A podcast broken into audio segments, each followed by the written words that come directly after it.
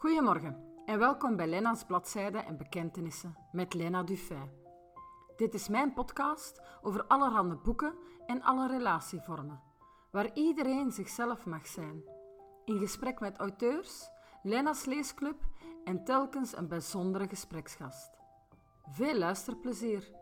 Goedemorgen allemaal bij alweer een nieuwe aflevering van Lena's Bladzijde en Bekentenissen podcast. En inderdaad, goedemorgen, want wie mij kent weet dat ik altijd iedereen op ieder uur van de dag goedemorgen wens. Want ergens in de wereld komt op dit moment de zon op. En daar kan alles nog voor iedereen die momenteel wakker wordt. Of natuurlijk voor de mensen die op dit uur hier wakker worden. Uh, in de aflevering van deze week zijn M.L. Francis, mijn gastauteur, en is Gert mijn extra gast. En bespreek ik samen met Leen en met Sanne uit mijn leesclub het boek gekozen van auteur M.L. Francis. Welkom allemaal en blij dat jullie er ook bij zijn. Beginnen doe ik de aflevering altijd met een overzicht van wat ik als auteur de voorbije twee weken heb meegemaakt. En ik kan je zeggen dat het opnieuw twee heel drukke weken zijn geweest. Ik ben het nieuwe jaar gestart met nog altijd verder te schrijven aan mijn vijfde boek. En dat is het tweede boek in de Castle of Kincrakes. Ik heb daar redelijk goed mijn dagdoelen kunnen aanhouden in het aantal woorden dat ik wilde schrijven. En ik kan dan ook heel tevreden en blij zeggen dat de eerste versie zo goed als op punt staat. Nu, dat is een eerste versie, daar moet natuurlijk nog heel veel aan bijgeschaafd worden. Maar dat is voor een volgende fase. Daarnaast ben ik de voorbije twee weken ook bezig geweest met de planning van alle events in 2024. Welke boekenbeurzen, boekenmarkten en andere leuke events wil ik als auteur dit jaar doen en waar kan ik mij eventueel al voor inschrijven? Het is immers als auteur, of toch zeker als beginnend, onbekend auteur in Vlaanderen en in Nederland, best wel belangrijk om je boeken tot bij je lezers te brengen boekenbeurzen, boekenmarkten en events zijn daar een ideale locatie, een, ideaal, een ideale manier voor. Intussen staat mijn planning ook al aardig vol. Dat komt ook omdat ik om de 14 dagen een event plan. Ik heb mijn kinderen in co-ouderschap met hun papa. En ik zal nooit een beurs of een markt plannen in de weekends dat mijn kinderen bij mij zijn. Dus ik plan vooral deel te nemen aan beurzen en markten in de weekends dat ik geen kinderen heb. Dat zijn ook echt mijn werkweekends. Nu ben ik eens benieuwd, Emil Francis. Uh, jij bent ook auteur. Jij moet ook jouw boeken aan de man brengen of aan de vrouw, de lezer. Hoeveel uh, beurzen of markten doe jij zo ongeveer op een jaar?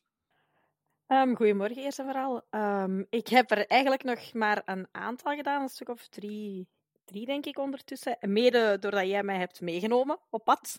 Ja. Omdat dat voor mij een beetje een... Voor mij was dat een grote drempel om daar over te geraken. Ik vond dat heel spannend, heel eng ten eerste keer te doen. En ik vind dat heel moeilijk. Ik heb nog twee jonge kinderen van zes jaar, een tweeling. En dat is heel moeilijk om dat daar soms goed rond te plannen. Omdat mijn man, wij werken voltijds allebei.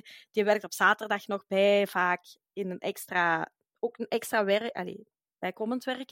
Dus het is, zo, het is soms heel wat plannen. En ik denk dat ik er meestal maar een paar per jaar doe bovenop wel hier in de regio zoek ik wel bij de standaard boekhandel een paar signeersessies, meestal rond de release van het boek, in de week van het boek en zo. Dus die komen daar ook wel nog bovenop.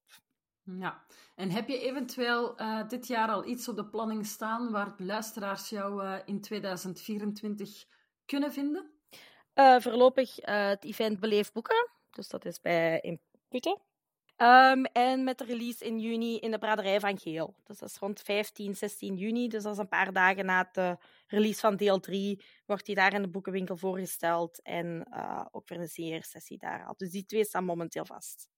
Ja, dus toch ook al een aantal leuke dingen op de agenda dit jaar, hè? Ja, zeker.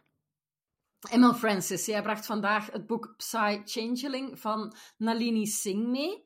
Uh, dat is iets dat ik altijd vraag aan mijn gastauteur om een boek mee te brengen, het lievelingsboek mee te brengen, wat jij onlangs of over lange termijn het liefst hebt gelezen. Waarom dit boek of waarom deze reeks? Um, dat is eigenlijk de reeks uh, dat uh, de wereld voor mij heeft opengedaan naar paranormale romances. Dus het genre dat ik zelf ook schrijf. Um, ik denk dat mijn eerste boek daarvan gelezen heb rond mijn 14, 15. En die reeks, dat zijn ondertussen 15 delen die dat nog blijven uitkomen. Dus elke keer als die uitkomt, dat, is het eerste wat ik... Dat, dat, er is geen twijfel over mogelijk, dat moet ik direct lezen. En dat is ja, zo wat een basis geweest van... Ja, voor, voor de mayonaise van mijn eigen genre. En dat is zo hetgeen dat ik dacht van... Ja, dit is het. Dit is wat ik graag lees. En dat is de eerste geweest. En sindsdien ben ik alleen maar... Ja, fantasy romance en, en alles in dat genre beginnen lezen eigenlijk. Ja. En zijn er in deze reeks uh, bepaalde dingen die je als auteur kan leren of waar jij als auteur uit geleerd hebt? Um, ja, dat het heel belangrijk is om je uh, personages voldoende diepgang te geven. Ook al zijn het maar voor het in deel 1 bijpersonages, zeg maar, dat die ook voldoende vorm hebben, voldoende diepgang, omdat zij uh, in deel 2 bijvoorbeeld dan een hoofdpersonage worden, of in deel 3 of later, maar dat die al van in het begin voldoende kracht hebben, genoeg karakter, dat die eruit springen, dat die genoeg verschillen met de rest. En zij als auteur doet dat heel goed. En dat is iets dat ik altijd heb meegenomen om, om zelf ook te doen. En naast het genre fantasy romance, zijn er ook nog andere genres die je veel leest, of is het vooral dit genre? Het is vooral dat genre. Vroeger las ik ook heel veel uh, gewoon echte fantasy en high fantasy, zoals uh, De Wet van de Magie en, en dat soort dingen. Uh, maar nu, omwille van de iets meer beperkte tijd, is het echt wel vooral fantasy romance. Roman ja, romantasy in kort woord of paranormal romance. Omdat ik niet... Vroeger las ik drie, vier boeken per week, of zelfs meer.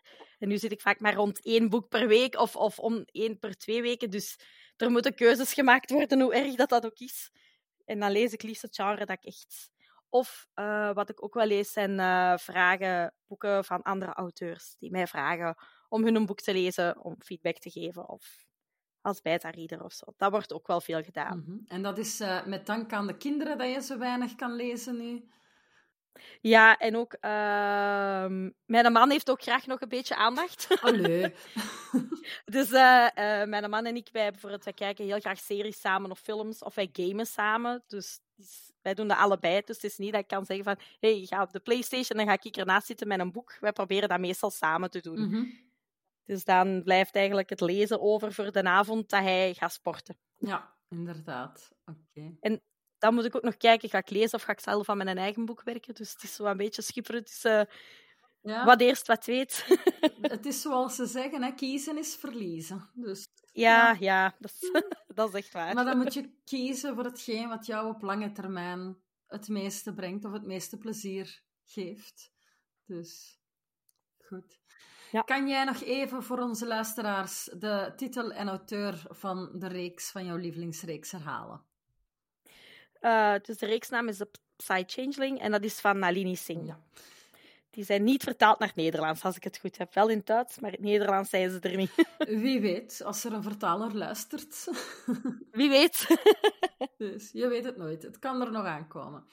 Zijn ja. er verder nog auteurs, specifieke auteurs waar dat jij naar opkijkt, die jij echt als voorbeeld ziet in een bepaald genre of een aantal, of, of iets wat zij bereikt hebben?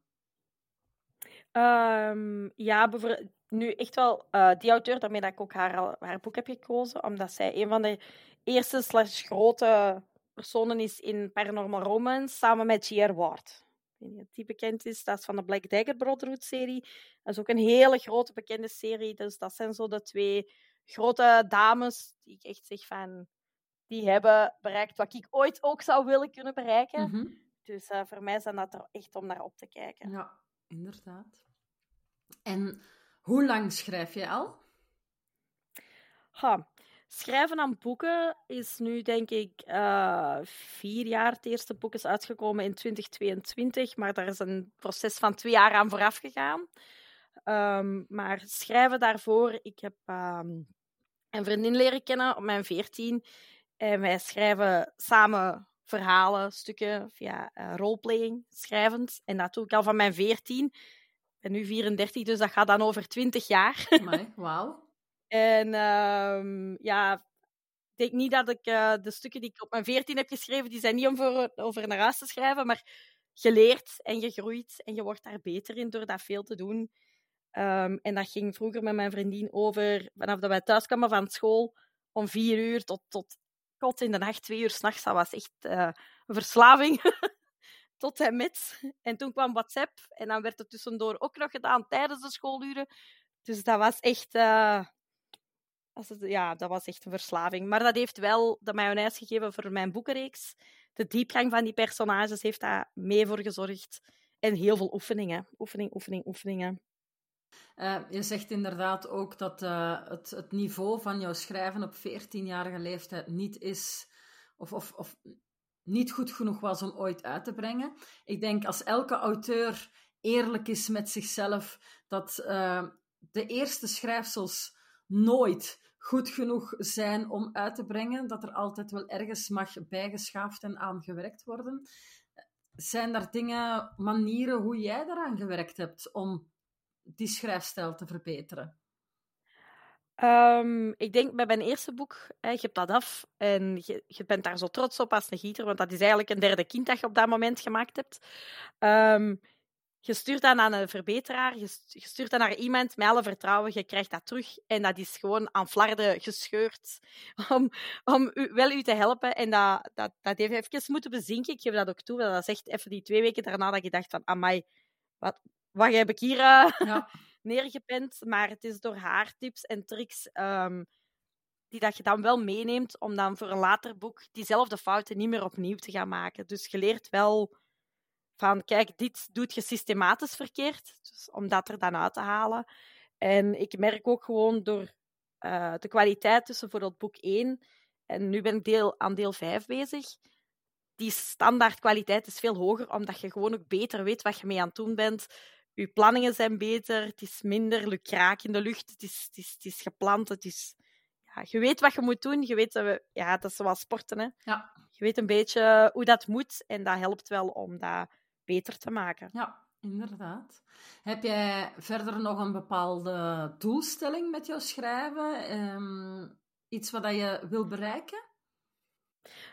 Vooral eerst uh, die reeks afmaken van deel 1 tot deel 5 en dat uitbrengen. Um, gewoon voor mijn eigen. Ik wil dat gewoon af hebben. Ik wil dat doen. En ik zou het heel fijn vinden, dit is niet zo'n extreem groot doel, om te kunnen schrijven en daar geen kosten aan te hebben. Dus nu op dit moment, ik investeer daar nog alle maanden best wel veel geld in om alles, om dat vertalingen af te hebben, de verbeteringen af te hebben en zo verder. En het zou heel fijn zijn dat er genoeg binnenkomt, waardoor ik dat eigenlijk gewoon kan doen zonder dat dat mij, kost, dat dat mij kosten met zich meebrengt. Dat je dat gewoon kan doen, lekker op mijn gemak, op mijn tempo. En ene keer dat dat rolt, dat ik ook iets meer vaker kan uitbrengen. Want nu is het budget eigenlijk maar voor één boek per jaar, terwijl ik veel sneller schrijf. In theorie kan ik er veel meer op een jaar maken, maar de budgetten laten het niet toe om ze uit te brengen. Jij wil vooral break-even draaien met jouw boeken? Ja, ja. Om dan, van zodra dat dat is, om in plaats van één boek per jaar naar, naar mhm. twee te gaan. Want ik heb nu tot deel vijf al klaar buiten de verbeteringen dan. En ik ben ook al aan een reeks voor daarna begonnen. Dus daar staat ook al een heel deel van op papier, maar ik heb gewoon het budget niet om het uit te geven. Dus als dat break-even is, dan zou dat al heel fijn zijn, want dan heb ik meer marge om wel wat meer uit te brengen, om het maar zo te zeggen. Ik wens het jou van harte toe, althans. Dus. Dankjewel. jouw boek gekozen. Dat is het eerste boek in de reeks waar, het, waar dat je het nu net over had, de, de Moonclaw-reeks. Mhm. Die kwam uit in juni 2022.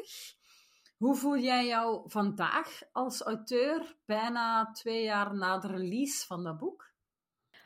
Um, nog altijd een beetje hetzelfde als vroeger. Ik werk nog altijd gewoon een, een dagjob die voltijds is. Uh, ik ben ook mama.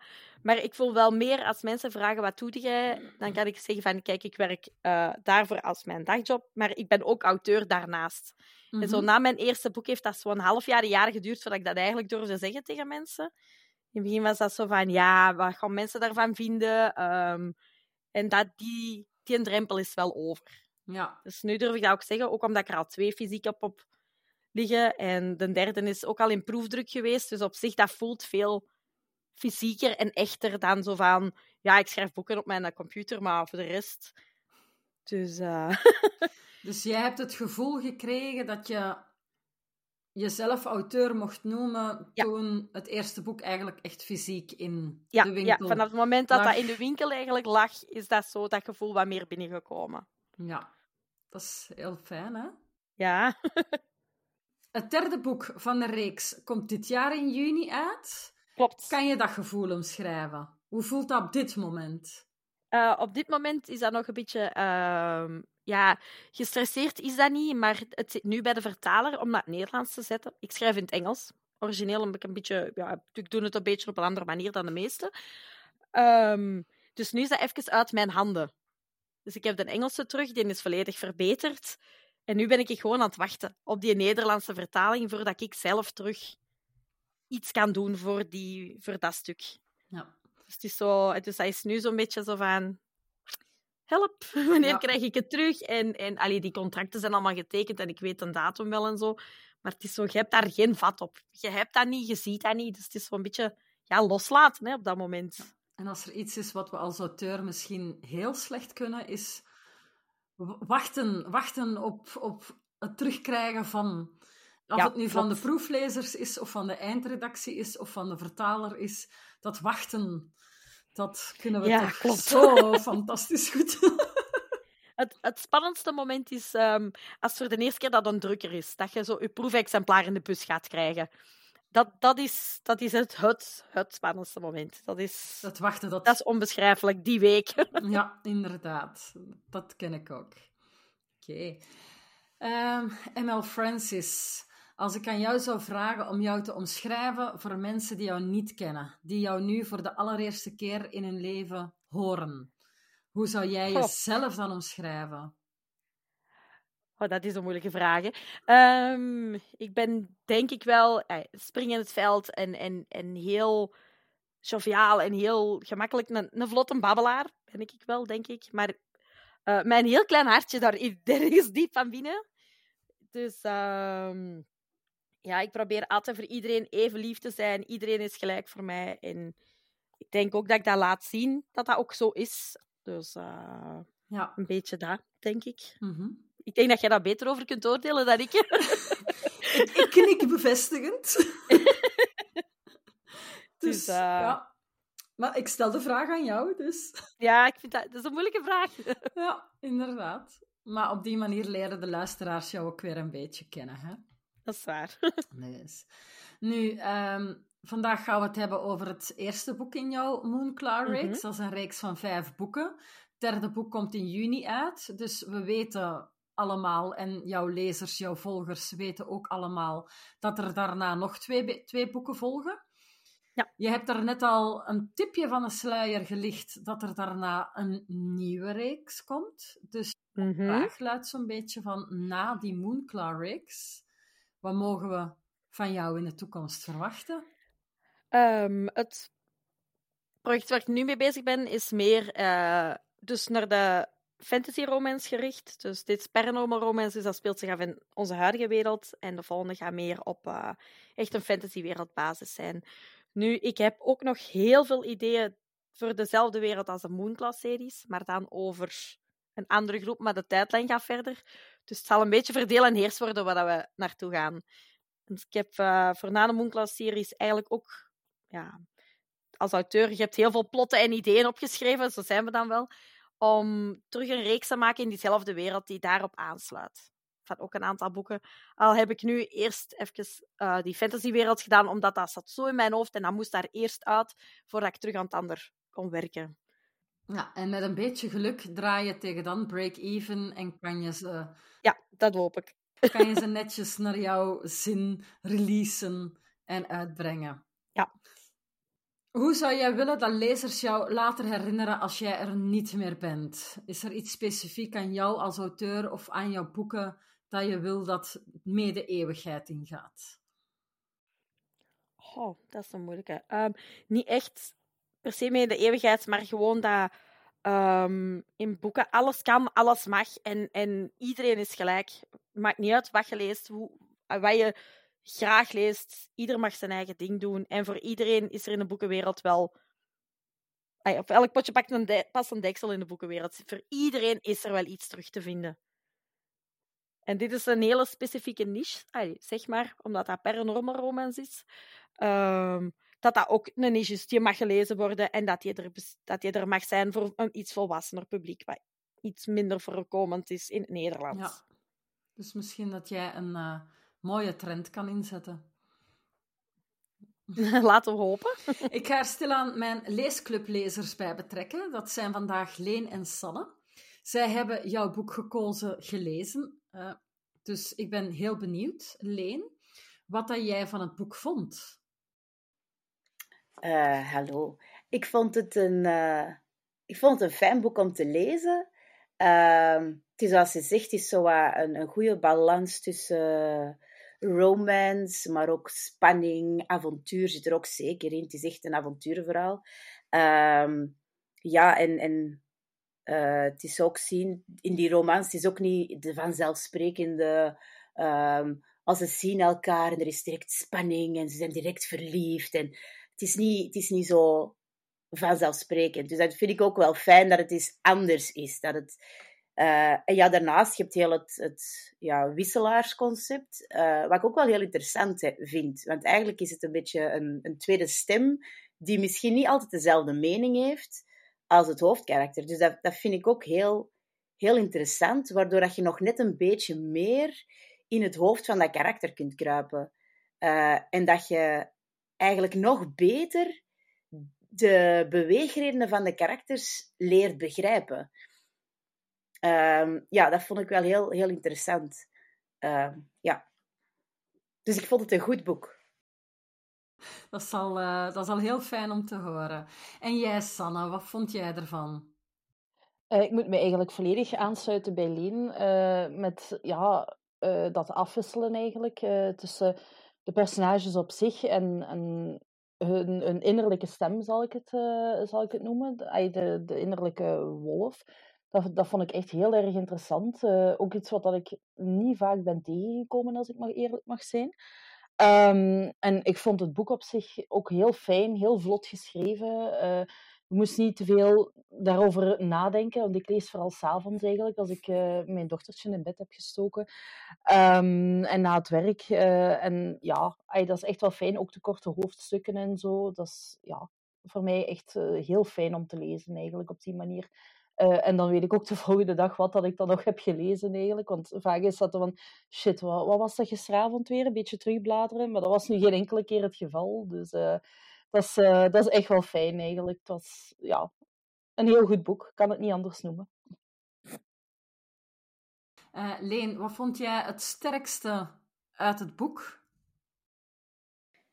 Um, ik denk dat de, de personages zijn heel krachtig in het begin kwam vooral bij het mannelijke personage en, en begreep ik die ook wel, van ja, die wil niet gekoppeld worden en zo.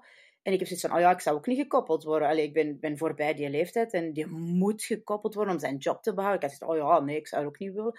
Dus je zit zo helemaal mee in dat concept. En, en dan komt de in het vrouwelijk karakter en dan is van, oh ja, ik ben ook helemaal mee met haar en die vindt dat is helemaal geen toffe. En, allee, dus je komt zo, ja, die personages zijn echt goed neergezet. Dus dat vond ik heel, heel krachtig. Uh, ja, heel, het zijn heel krachtige karakters. De er geen enkel, ja, het zijn, zoals ze daar juist zelf al zei, van personages zijn echt uitgediept. Eh, er is geen, uh, oei, wie of wat is dat en, en wat, wat drijft hij? Nee, je weet het. Allee, zeker met die dubbele bodem van die wolf, dat ook nog eens een mening heeft, die vaak dan nog eens anders is. Ja, dat is heel uh, ja, aangenaam. Ik ben ook begonnen aan het volgende boek, want zo ben ik dan wel weer. Uh, dus, want ja, was een goed boek. en in juni komt de derde. ja, dus ik zal niet te snel lezen, want... Uh... Uh, ik ga heel eventjes ook terugkomen op Sanne. voordat we zijn beginnen opnemen, heeft Sanne ook iets aangehaald wat zij heel sterk vond in het boek. zou je dat ook even willen delen?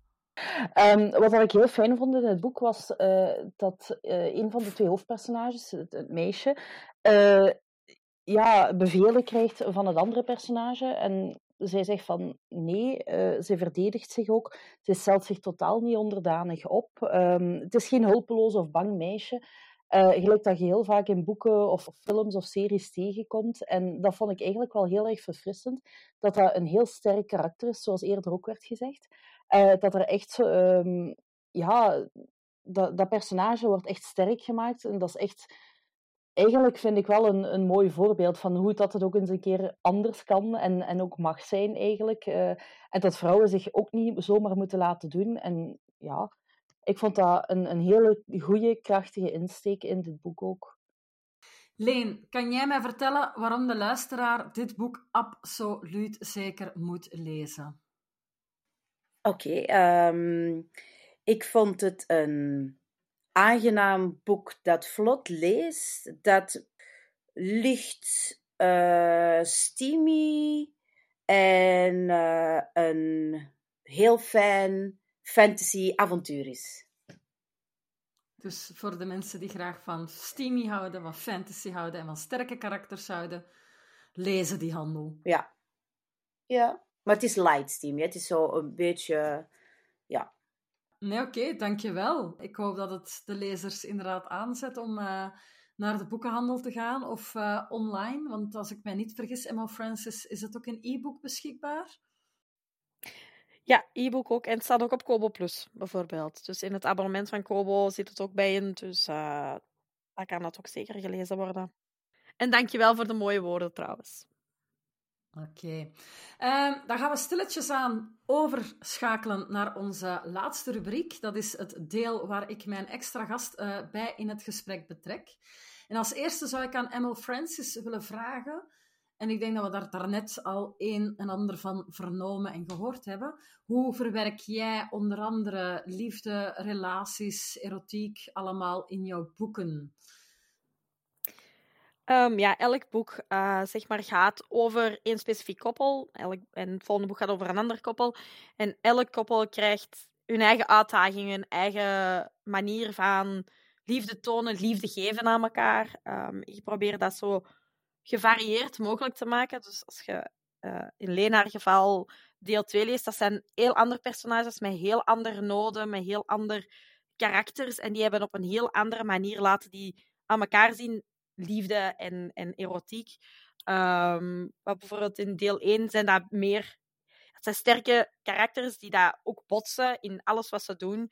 Dus als je die in erotieke scènes gaat lezen, dat is ook krachtiger dan wat je gaat terugvinden in deel in deel 2 bijvoorbeeld zijn heel andere mensen. Um, verder probeer ik in de boeken... Ja, alles kan, alles mag. Uh, binnen, de, binnen de grenzen van de personages dat het oké is. Dus het is, het is als je... over deel 3 bijvoorbeeld... Um, dat, gaat over een, het hoofdpersonage, de, de vrouw, komt uit een moeilijke relatie. Dus hoe dat daarmee omgegaan wordt, is anders dan iemand met een sterk koppig karakter dan deel 1. Dus um, ik probeer dat op een zo goed mogelijke manier te doen. Ik laat het altijd ook door verschillende mensen nalezen. Zeker als ze aan gevoelige onderwerpen raken van hey, is dit oké? Van is dit oké qua verwerking, qua, qua relatie? Zit je in erotiek niet te hoog, niet te laag? Want sommige soms gaat dat gewoon niet. Mm -hmm. ik probeer de erotiek in elk boek een beetje gelijk te houden. Dat het niet bij de ene eigenlijk van bladzijde 1 tot bladzijde 400 bomvol staat, maar dat het zo gelijk... Allee, dat het, dat het in, bijvoorbeeld in deel 1 zitten er vier scènes in, in deel 2 ook. Uh, deel 3 dan weer iets minder. Deel 4 zitten er dan weer terug vier in. Dus ik probeer dat zo wel wat in balans te houden. Alleen bijvoorbeeld bij deel 3, dat voelde niet goed voor mij. Omdat daar veel in te steken. Dus ik heb dat ook niet gedaan. Ik heb dat ook gevraagd aan proeflezers en verbeteraars van hey, stoort dat dat, dat er minder in zit? En dat was een volmondige van nee, het is oké, okay, gelijk dat is. Um, mm -hmm. Dus ik heb nog geen uh, eh, LGBTQ-relaties daarin zitten. Dat zit daarin op de achtergrond, dus daar wordt wel naar verwezen. En ik hoop dat ooit wel te kunnen schrijven. Ik heb daar zelf niet zoveel ervaringen mee, dus ik wil dat ook op een manier doen dat dat, dat, dat correct is en oké okay is. Mm -hmm. Dus ik wil niet zomaar iets schrijven waarvan ik niet weet van dat ik dat kan of niet kan. Allee, ik wil dat goed doen, ik wil dat dat oprecht is, ik wil dat dat echt is. Dus ik wil eerst gesprekken aangaan met mensen voordat ik dat ga doen en daar iets neerschrijf dat, dat totaal niet in lijn is met hoe dat mensen dat zelf ervaren en beleven. Dus uh, ja, dat een beetje, denk ik. Dat vind ik, dat vind ik al heel mooi. Ehm, ik denk dat jij tot nu toe de eerste auteur bent die ook zegt van uh, toekomstige relaties misschien toch in de LGBTQ-richting uh, mhm. te gaan uitwerken of uitschrijven. Ik vind dat fantastisch. Iemand in die LGBTQ-gemeenschap is Gert. Dus ik, ja, jullie kunnen na de podcast nog gerust uh, contact met elkaar opnemen. Ik stel je er heel graag aan voor. Zelf ken ik Gert als een heel levendige, goedgemutste man, die ooit het uh, ja, absoluut waanzinnige idee heeft aangenomen om mijn echtgenoot en mij te leren dansen. Dat is niet gelukt en dat ligt absoluut niet aan Gert. Want ik heb Gert al verschillende keren zien dansen en Gert kan fantastisch heerlijk dansen. Dat is, ja... Dankjewel. maar nee, dat is echt waar. Ik sta elke keer dat ik jou zie dansen, sta ik versteld. Dat is met een finesse zoals het hoort. Um, maar Gert is een, um, ja, een heel toffe man die ook op mannen valt. En um, in mijn wereld hoort daar absoluut niks mis mee te zijn. Liefde is liefde. Maar ik ben toch eens benieuwd, Gert, wat dat de meest gehoorde reactie is waar jij jou mateloos aan stoort. Goh, er zijn er enkele waar ik me wel aan kan storen, maar ik denk de meest voorkomende is toch wel um, als je in een relatie bent, van de vraag stellen van oh. wie is de man en wie is de vrouw in de relatie. Ja, het is een beetje achterhaald, vind ik. Um, op zich hoeft er helemaal geen rollenpatroon te zijn in die relatie. Dus uh, ja, gewoon. Ja, maar dat is een vraag die je 90 of 99 procent van de gevallen wel krijgt. Kan mij totaal vergissen, maar zou het een reactie kunnen zijn uit het niet begrijpen van de dynamiek van een relatie die niet typisch man-vrouw is? Ik denk het wel. In elke hetero-relatie is er een mannelijke vrouw en een vrouwelijke, vrouwelijke rol meestal weggelegd. Maar zelfs dat is in de loop der tijden ook wel een beetje vervaagd, denk ik dan toch. ik denk dat er meer vrouwen zijn die de broek dragen tegenwoordig dan uh, ik kan andersom. Ik er verschillende opnoemen. ja. Dus, voilà. en ik zie, ik zie Leen en Sanne ook uitmoedig lachen. Dus ik denk dat die ook zo een aantal mensen kennen die zeggen van, ja, nee. Dat, dus inderdaad, nee. Um, Gert, uh, als man zijnde, uh, ja, als, als man zijnde die op mannen valt, um, is het heel vaak zo dat je uit een spreekwoordelijke kast bent moeten komen ooit op een bepaald moment in jouw leven. Klopt. Hoe moeilijk vond jij dat? Um, ja, ik was, ik denk, uh, 17, 18 jaar, zoiets. Um, ja, natuurlijk, als puber zijnde is dat heel moeilijk. Je, het is heel spannend vooral. Heel spannend, omdat je niet weet hoe mensen gaan reageren. Um, maar mijn ouders hebben daar fantastisch op gereageerd. Mm -hmm. ze hadden wel een beetje schrik. Niet voor mijzelf, omdat ik homo was. Helemaal niet. Dat was voor hun een evidentie van zolang je maar gelukkig bent maar gewoon, hoe gaat de maatschappij reageren op het feit dat je homo bent? En hoe moeilijk ga je het krijgen in je verdere leven? Maar ik denk na een, ja, als ze zagen na een half jaar of zoiets van, oké, hij komt wel op zijn poten terecht. en toen was het volledig oké. Ja. ja. Ik ben daar op dat vlak ook, uh, jij weet dat, iedereen in mijn omgeving weet dat ook. Uh, mijn oudste dochter, die is nu 15, wordt bijna 16. Uh, die is eigenlijk hier thuis bij mij dan toch nooit uit de kast moeten komen. Zij heeft nu ook een vriendin. Maar ik heb van, van kleins af aan, mijn, mijn jongste zoon is nu tien, die wordt over twee weken elf. En dan wordt hier nog altijd regelmatig gezegd van, het interesseert mij, om het cru en kort door de bocht te zeggen, het interesseert mij geen reet dat jullie met een man of met een vrouw thuiskomen. Het enige wat voor mij belangrijk is, is dat jullie gelukkig zijn in jullie relatie. En Klopt volledig. dat heeft er bij mijn dochter ook voor gezorgd dat zij op een gegeven moment zei van... Mama, woensdag komt mijn vriendin. En het was een toon waarop dat ze het zei, dat ik hmm. zoiets had van... Dat is geen gewoon vriendin. Nee, voilà. maar dat was toch ineens heel duidelijk voor jou. het was, ze kwamen dan ook hand in hand binnen. En dat was voor mij ook... En ze heeft dat ook gezegd, van dat dat voor haar ook zo op dat moment zoiets was van... ze heeft bij mij nooit het gevoel gehad dat ze uit die kast moest komen. Dus Voilà. hier thuis heeft ze eigenlijk nooit in een kast gezeten. Ehm, klopt. En, en ik ben er eigenlijk heel blij omdat ik haar dat gevoel heb kunnen geven. En, en ja, ik hoop dat dat voor mijn, voor mijn twee andere kinderen ook zo geldt. Het zegt ook niks over de persoon zelf, vind ik. Het zegt gewoon iets met wie je in, in je bed kruipt, maar het zegt niks over je persoonlijkheid of niks over wie je bent. Ja, inderdaad. Maar ik denk dat het voor hun ook de weg openlegt om daar opener in te zijn. En dat het het pad wat openlegt voor hun. En het feit dat ik dat blijf herhalen altijd van... Kijk, dat jullie nu een, een vriend of een vriendin hebben, zolang dat jullie maar gelukkig zijn en, en jezelf kan zijn in jullie relatie later, dat is wat dat voor mij belangrijk is. En ja, dat is een boodschap die ik naar, naar elke ouder wil geven die nu luistert van geef dat mee met je kinderen en wees gewoon gelukkig voor jouw kinderen.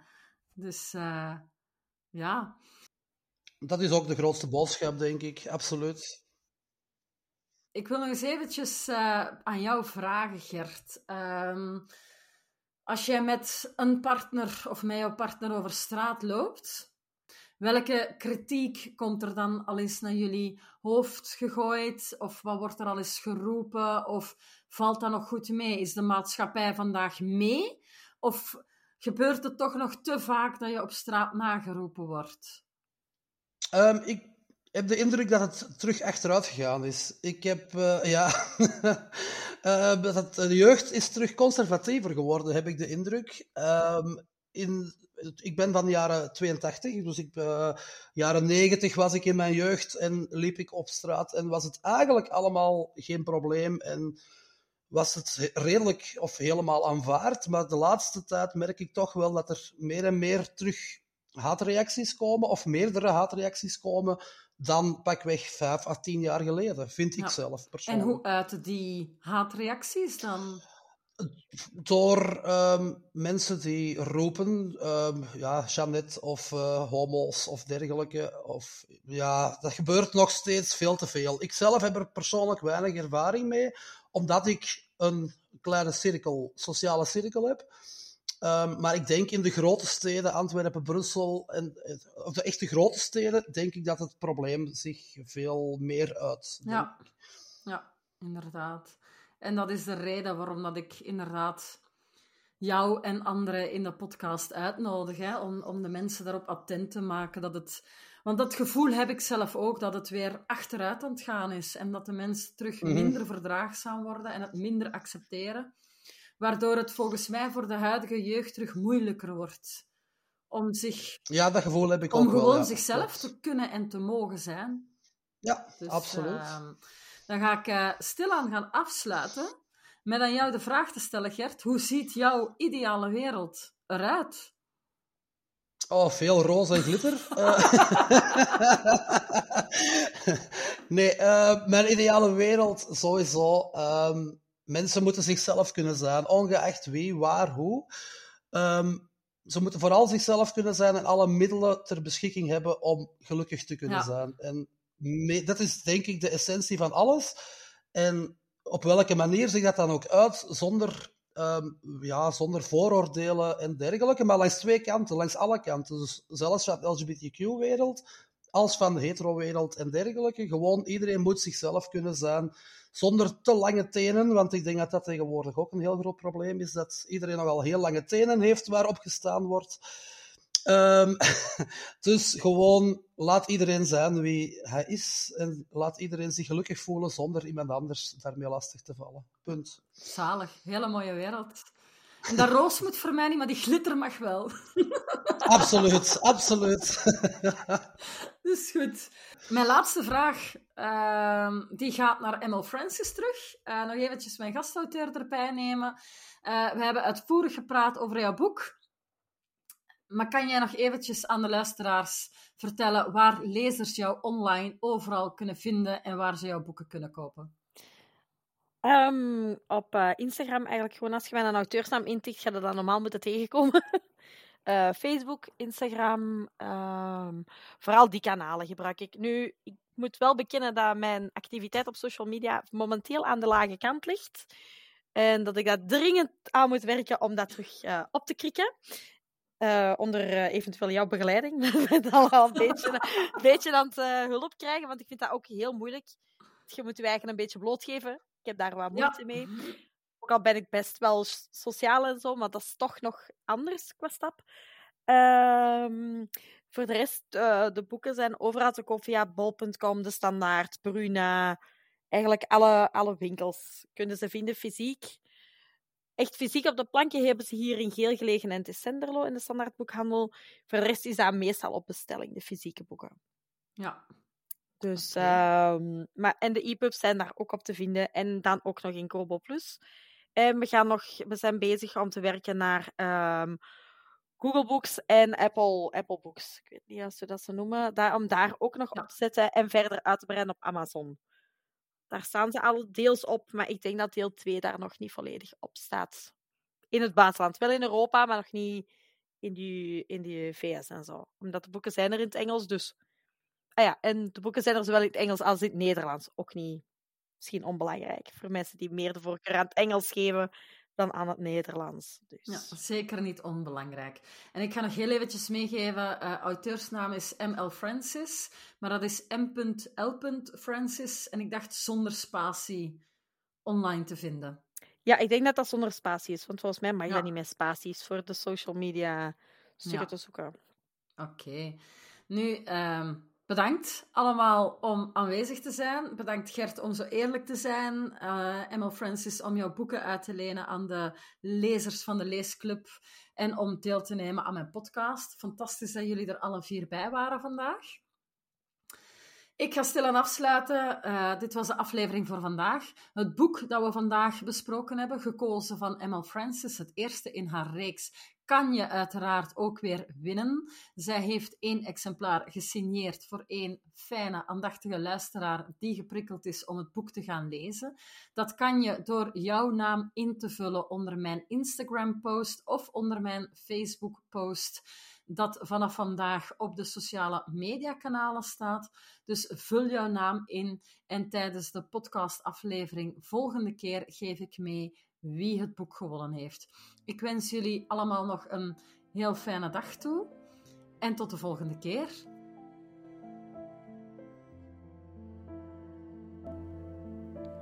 Fijn dat je weer luisterde naar een aflevering van Lena's Bladzijde en Bekentenissen podcast. Dank je wel. Vond jij deze aflevering interessant en wil je meer luisteren? Abonneer je dan nu in jouw favoriete podcast-app. Klik op abonneer of subscribe en je krijgt alle afleveringen overzichtelijk onder elkaar. Telkens er een nieuwe podcastaflevering gepubliceerd wordt, ontvang je automatisch een bericht. Zo blijf je helemaal bij. Ik word er helemaal blij van als jij een review schrijft in je podcast-app. En laat weten wat je zo leuk vindt aan Lena's Bladzijde en Bekentenissen podcast. Zo ontdekken andere luisteraars ook mijn podcast en kunnen we samen meer lezen en liefde verspreiden. Wil je graag met mij in contact komen? Je vindt me makkelijk op Facebook en Instagram als je zoekt op Lena Dufin of via mijn website www.lenadufin.be. Ken je nog mensen die Lena's bladzijden en bekentenissen leuk zouden vinden? Deel deze aflevering dan met hen via je sociale media of stuur hen een link via mail of een berichtje. Nogmaals bedankt om te luisteren en ik klink volgende keer weer heel graag in jouw oren. Tot dan!